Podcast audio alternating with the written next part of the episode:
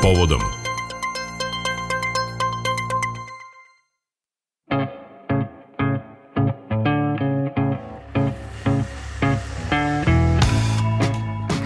Predsednik Srbije Aleksandar Vučić juče je na sednici vlade iznao pojedinosti u vezi sa francusko-nemačkim predlogom za normalizaciju odnosa sa Prištinom. Nakon toga je u obraćanju građanima saopštio da je Srbija suočena sa ultimatumom da ukoliko ne prihvati ovaj plan usledit će ozbiljne ekonomske i političke posledice. Kako je istakao taj plan s jedne strane predpostavlja osnivanje zajednice srpskih opština u skladu sa briselskim sporazumom, ali istovremeno podrazumeva našu saglasnost da se nećemo protiviti članstvu Kosova u međunarodnim organizacijama, što bi implicitno moglo da znači u Savet Evrope, NATO, pa kako je rekao čak i Ujedinjene nacije. E, takođe, on je najavio da će narednih dana u vezi sa planom e, obaviti konsultacije sa svim poslaničkim grupama u parlamentu, kao i sa drugim relevantnim delovima društva. Nije isključio ni mogućnost referenduma na kom bi se građani izjasnili da li prihvataju e, francusko-nemački predlog koji sada postaje, kako je rekao, rekao nova pregovaračka platforma. O tome danas u povodom razgovaramo sa Vladimirom Traparom sa Instituta za međunarodnu politiku i privredu. Gospodine Trapara, dobar dan. Dobar dan.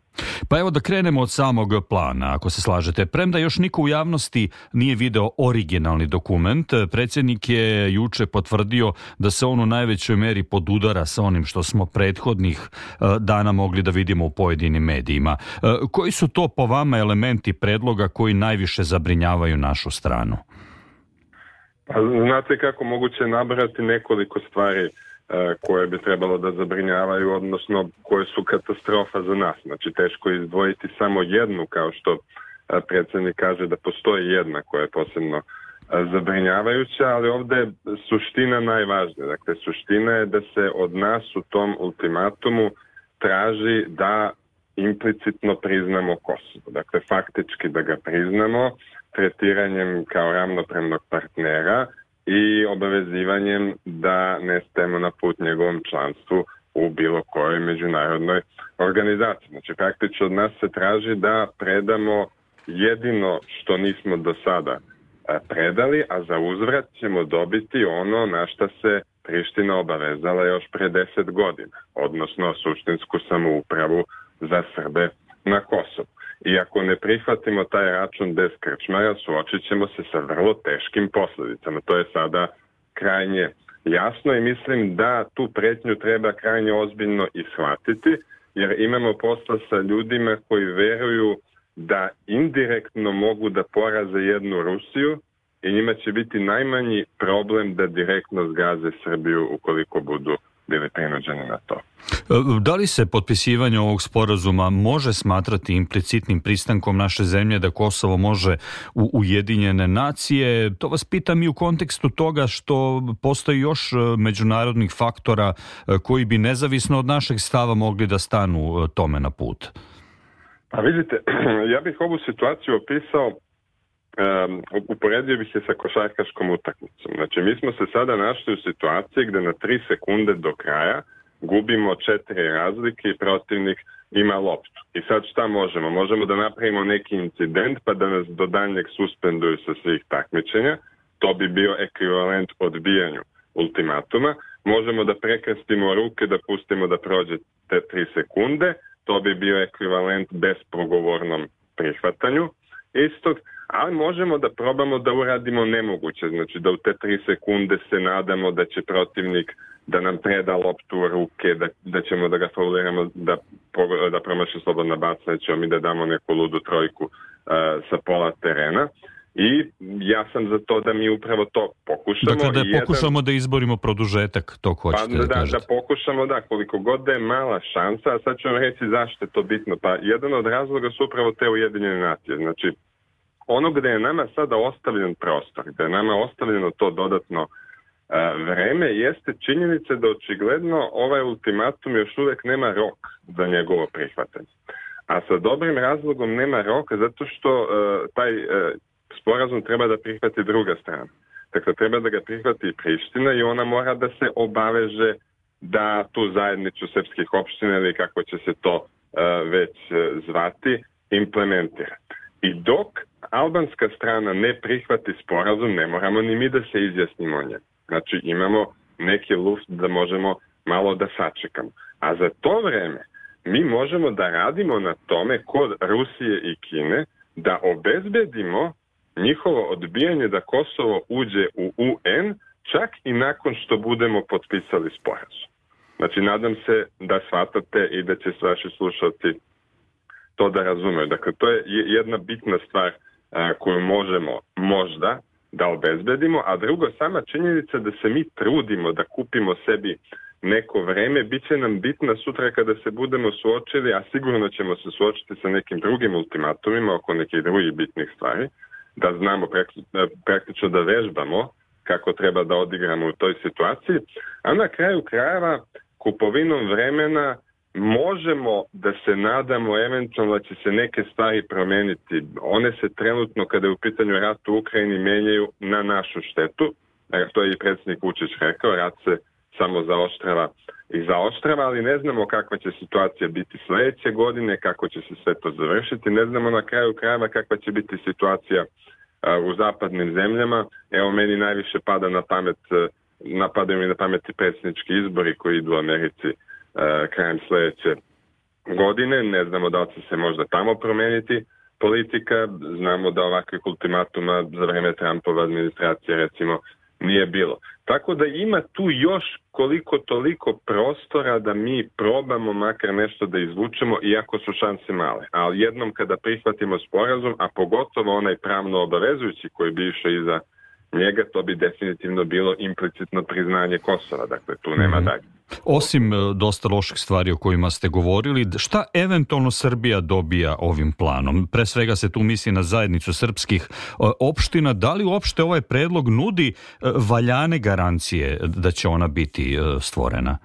Pa vidite, ovaj predlog, pošto je to politički sporazum, ne nudi nikakve garancije. Znači, on je samo uvod u taj pravno obavezujući sporazum koji, bih pomenuo, koji sam pomenuo, koji bi eventualno mogao da ponudi i te garancije, na nama je da se izborimo da one budu e, što čvršće. Da, dobili bismo e, sa njihove strane obavezivanje, makar na reč kao što su to uradili sa briselskim sporazumom, da, da daju nekakvu samoupravu Srbima na, na Kosovu, kako oni ne bi imali razloga da se odatle sele, ako ništa drugo. A druga stvar koju bismo eventualno dobili tiče se položaja crkve, i naše verske i kulturne baštine, pošto i to koliko sam video pomenuto u sporazumu, to je jako bitna stvar. Na, naša duhovnost je na Kosovu i Metohiji, ona bi morala da bude uh, u bilo kom razvoju situacije zaštićena. Dakle, to su u suštini jedine dve stvari koje nama u ovom sporazumu odgovaraju, ali te stvari bi trebalo da se već podrazumevaju jer one su na kraju krajeva prihvaćene bile briselskim sporazom. Za povodom razgovaramo sa Vladimirom Traparom sa Instituta za međunarodnu politiku i privredu. E, gospodine Trapara, kako tumačite činjenicu da je uopšte došlo do e, ultimatuma da predstavnici pet zemalja nedvosmisleno postave zahtev koji podrazumeva prestanak e, evropskih integracija, ukidanje bezviznog režima, blokadu novih investicija, povlačenje aktuelnih investicija Zapada i druge sve sveobuhvatne političke mere, kako je to juče rekao predsednik? Ovak ultimatum tumačem tako pre svega da se politički zapad nije ni za pedalj pomerio od onoga što je bila njegova izvorna politika, a to je politika pristrasnosti u korist albanske strane kada je rešavanje kosovskog e, pitanja e, na delu. E, a zašto oni nama ranije nisu ovakav ultimatum izručili? Pa jednostavno nije bila situacija. E, za to nije bilo ni jedinstvo političkog zapada ovako kako danas imamo, a zašto je ono sada takvo i zašto su oni spremni da to ovako brutalno nama isporuče kao što su sve vremeno u Peloponeskom ratu kod Tukidida, je tako, Atinjani Meljanima, a, pa zato što je izbio rat u Ukrajini. Znači, mi za situaciju u kojoj smo se našli treba da zahvalimo i predsedniku Rusije Vladimiru Putinu. On nas je u takvu situaciju doveo, uh, verovatno ne razmišljajući o nama, dakle procenjujući da je interes njegove zemlje da uradi to, to što je uradila u Ukrajini.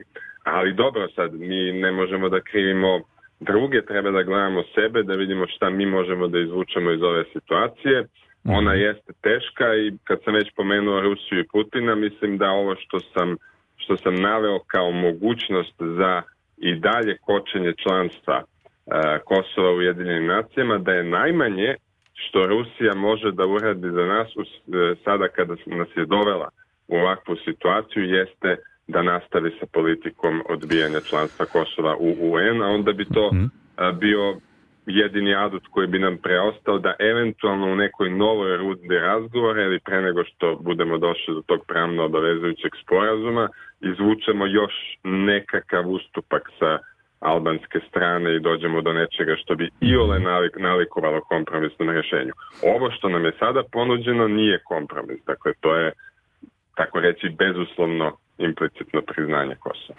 E, koliko bi e, pomenute sankcije oštetile naše državu? Juče je naš čuveni ekonomista Branko Melanović u autorskom tekstu e, napisao da iako je jasno da Evropska unija više nema šargarepu i da je ostao samo štap, jasno je da bi sankcije bile pogubne po našu zemlju. Kakvo je vaše mišljenje? Ja se potpuno slažem. Znači, zato nisam za uh, odbijanje sporazuma.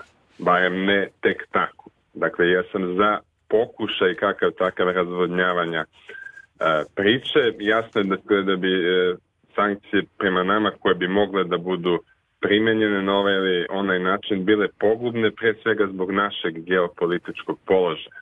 Dakle, da bi zapadne investitore kod nas zamenili neki drugi investitori iz, nekog, iz nekih drugih delova sveta, oni pre svega treba da se nekako transportuju preko teritorije zemalja političkog zapada e, kojima smo mi okruženi. Dakle, oni praktično mogu da nastave u neku vrstu opsadnog stanja i izolacije. Dakle, u situaciji Rusija, rata to je veoma teško. Pa naravno, nismo mi Rusija da imamo onoliku teritoriju i resurse i, i veliku granicu sa, sa jednom ekonomskom supersilom kakva je Kina, pa da možemo sebi da priuštimo zapadnu izolaciju. Dakle, to je to je jednostavno nemoguće. Mi moramo zaista da uradimo sve da tako nešto izbegne. Da li vam se čini da će bilo kakav napredak u stabilizaciji odnosa biti moguć sa Kurtijem na čelu Kosova, koji očigledno koristi politički momentum i mnogi kažu izaziva incidente. Da li mislite, da li uopšte možete da zamislite da bi Kurti platio cenu zajednice srpskih opština za ovaj sporazum koji e, čini se ipak više donosi Prištini? Svakako da više donosi i svakako da bi u, da kažem, nacionalnom interesu kosovskih albanaca bilo da njega što pre prihvate i da na taj način nateraju i Srbiju da mora o njemu da se izjasni. Ali eto imamo tog Kurtija koji je malo tvrdoglav i mi treba da, da navijamo zapravo da on što duže tamo ostane i što duže bude tvrdoglav jer sebi na taj način kupujemo vreme. Dakle, to vam je kao sa sporazumom o Rambujevu svoje vremeno, mm -hmm. koji je odložio bombardovanje za mesec dana zato što ni Albanci nisu prihvatili taj sporazum. Dok nije došla druga runda i Pariz i onda su oni prihvatili, mi nismo i bombardovani smo. Dakle, dokle god i njihova strana odbija sporazum, to je dobro za nas jer onda imamo dodatno vreme u kome možemo da pokušamo da, da izborimo za sebe nešto povoljnije. Da li uopšte postoji e, mehanizam e, pritiska e, na Kurtija? Znamo da, evo, oni su nama isporučili ultimatum sa ekonomskim i političkim sankcijama. Da li postoji bilo kakav instrument kojim međunarodna zapadna zajednica, ukoliko to želi, može da pritisne Kurtija? Oni imaju mnogo instrumenta za to, dakle manje više sve ovo što mogu da primjene na Srbiju, mogu da primjene i na Kosovo, ali to oni jednostavno ne žele da urade.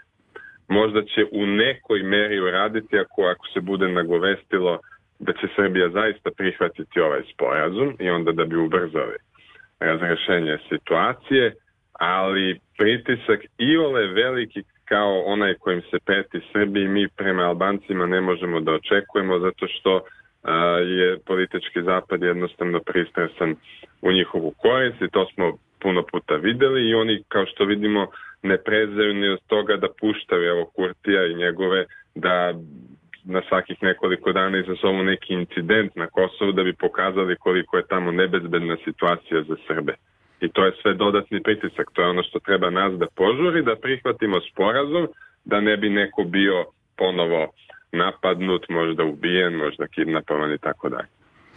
Politička situacija u Srbiji je takođe veoma važna. Narednih dana najavljeni su razgovori sa predstavnicima e, svih e, parlamentarnih klubova, sa važnim i relevantnim delovima e, našeg društva. Da li verujete, verujete u neku mogućnost eventualno konsenzusa u našem društvu oko ove teme? A, bojim se da ne verujem u konsenzus. Moguće je da će doći do sporazumevanja jednog dela političkih aktera o tome šta treba uraditi u ovoj situaciji, ali ne svih. Zapravo ja se pribojavam nekakvih e, političkih turbulencija do kojih bi mogla da dođe ako bi smo mi na kraju bili prinuđeni da ovaj sporazum zaista e, prihvatimo i mislim da je i ova kupovina vremena o kojoj govorim i iz tog razloga bitna. Da se u tom vremenu koje ćemo još imati da prihvatimo sporazum nekako objasni narodu da mi nemamo kud. Kako onda narod ili barem njegov značajniji deo ne bi podržali neki, neke, neke aktere koji bi eventualno da politički destabilizuju situaciju, trenutno nekakvim protestima ili nešto slično. Za povodom Radio Novog Sada govorio je Vladimir Trapara sa Instituta za međunarodnu politiku i privredu. Hvala vam lepo. Hvala vama na pozivu.